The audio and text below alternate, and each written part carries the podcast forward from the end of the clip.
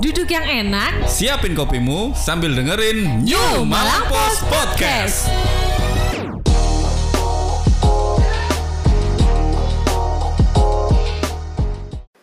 Assalamualaikum, jumpa lagi dengan New Malang Post Podcast. Bersama saya Bu Ari, wartawan New Malang Post.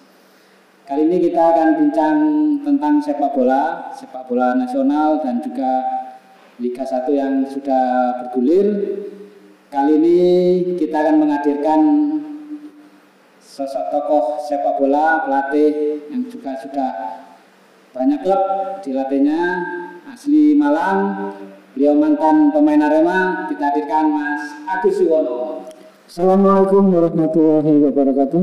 ya, selamat datang Mas Agus di kantor New Malang Pos Terima kasih atas uh, undangannya Ya. Mas Bari. Ya jadi kita ngobrol santai-santai aja Mas tentang sepak bola ini Mas Agus sekarang gimana Mas kesibukannya sekarang Sekarang saya memantau klub saya yang persiapan di Liga 3. Hmm. Eh, saya juga menghadirkan tentunya pelatih yang lain bukan saya dengan saya harus eh, mencari klub di luar sini juga. Hmm. Gitu sementara ini. kalau terakhir di Persela Mas eh mana Mas Di Persis Solo sama Madura. Madura Iya. pernah di Wamena juga kayaknya Di Serui. Serui Persudavon sama Perseru Serui. siap siap siap kayaknya juga sempat ini Mas apa dipercaya di Akademi Arema juga Sekarang saya di Direktur Teknik Arema Academy. Jadi di situ saya ngasih input, ngasih masukan, koreksi kepada tim pelatih akademi supaya nanti ada progres ke depannya untuk akademi Aremanya itu. Mas melihat tim Arema sekarang ini ya terutama dengan kepemilikan oleh presiden yang baru J99 Juraga 99 kan ini Arema sudah disebut-sebut sebagai klub yang kaya sekarang nah. Amin. beda dengan zamannya Mas ke sana dulu gimana Mas melihat tim Arema sekarang ini Mas Eh, yang jelas dengan kehadirannya Juragan 99 ini merupakan angin segar ya. ya Tim Arema seperti sejarahnya bahwa Arema itu naik turun juga Ya. situasinya. Tentang hasil kompetisi setelah dua pertandingan ini saya rasa masih normatif lah. Ya. Artinya pertandingan pertama hasil draw satu-satu kita bermain dengan 10 pemain sama di awal dan kemarin juga draw draw itu pun lawan juga dengan 10 pemain. 10 Jadi artinya hasil yang memang masih cukup fair. Apalagi ini pertandingan pertama awal-awal pertandingan kalau itu kompetisi resmi normal ya saya rasa itu masih masih cukup bagus. ya Tapi masalahnya ini kan situasi sudah lama nggak bermain, Bermain. tidak ada kompetisi dengan pandemi ini tentu saja ini sedikit banyak akan menurunkan eh, kualitas semuanya Iya. karena lama nggak bertanding. Itu itu mas.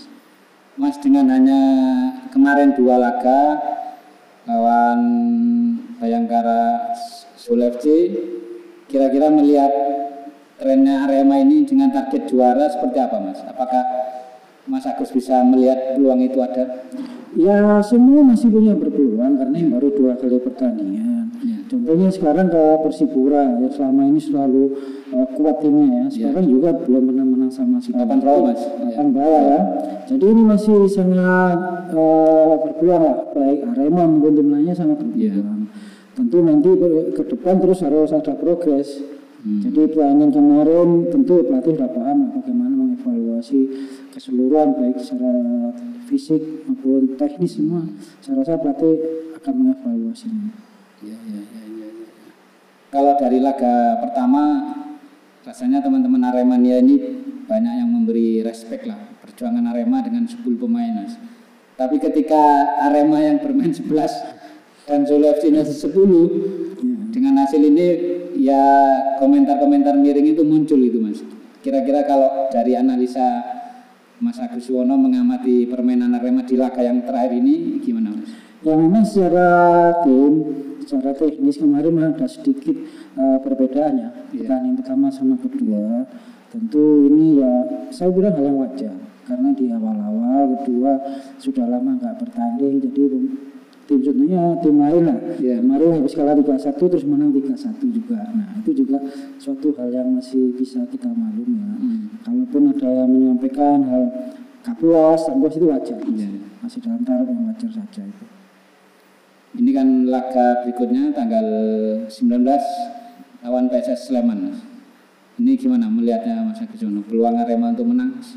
Ya kalau peluang saya rasa kita masih tetap punya peluang bagus. Hmm. Tentu bagaimana setelah evaluasi pertandingan dua pertandingan kemarin sama bagaimana persiapan berikutnya. Ini sangat penting termasuk bagaimana eh, kesiapan pemain kebugaran pemain sangat menentukan. Mudah-mudahan pertandingan berikutnya bisa full team sehingga nanti apa eh, yang disiapkan pelatih bisa sesuai dengan apa eh, harapannya tim pelatih juga itu.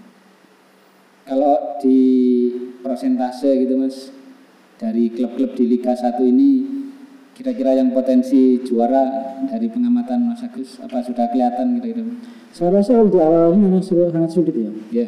Artinya bisa apa bagus nanti di pertengahan uh, pertama bisa menurun. Sebaliknya gitu. Hmm. Ya, jadi kita bisa melihat nanti itu mungkin setelah putaran pertama uh, masuk ke putaran kedua itu baru bisa kita melihat. Hmm. Karena sekarang masih faktor adaptif, semua tim saya rasa masih adaptasi kompetisi yang baru digulirkan. Gulirkan. Iya.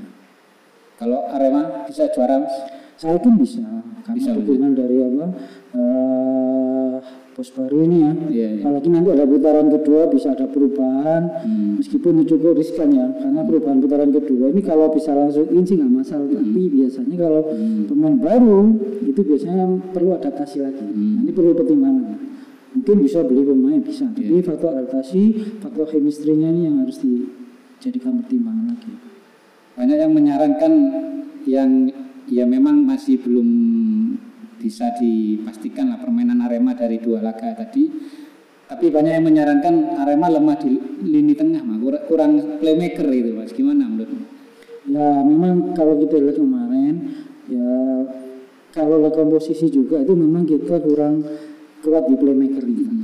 Jadi selain playmaker karena biasanya playmaker itu mesti main asing, kita perlu juga pelapisnya. Selama ini kan Jayus mungkin nggak pernah nggak main kemarin, Iya. sehingga sedikit banyak mengurangi kekuatan di tengah. Jadi perlu lapisan di lini tengah sebagai penyeimbang eh, playmaker dalam bermain. Bermain. Kalau ini mas, dari tim-tim 17 tim selain Arema, kira-kira pesaing Arema untuk juara siapa mas?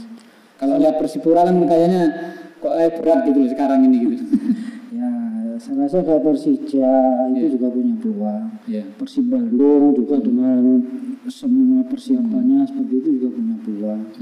Apalagi dia materinya juga eh, banyak asing berupa lokal ya, Iya, naturalisasi juga ada. Tapi itu pun juga bukan jaminan.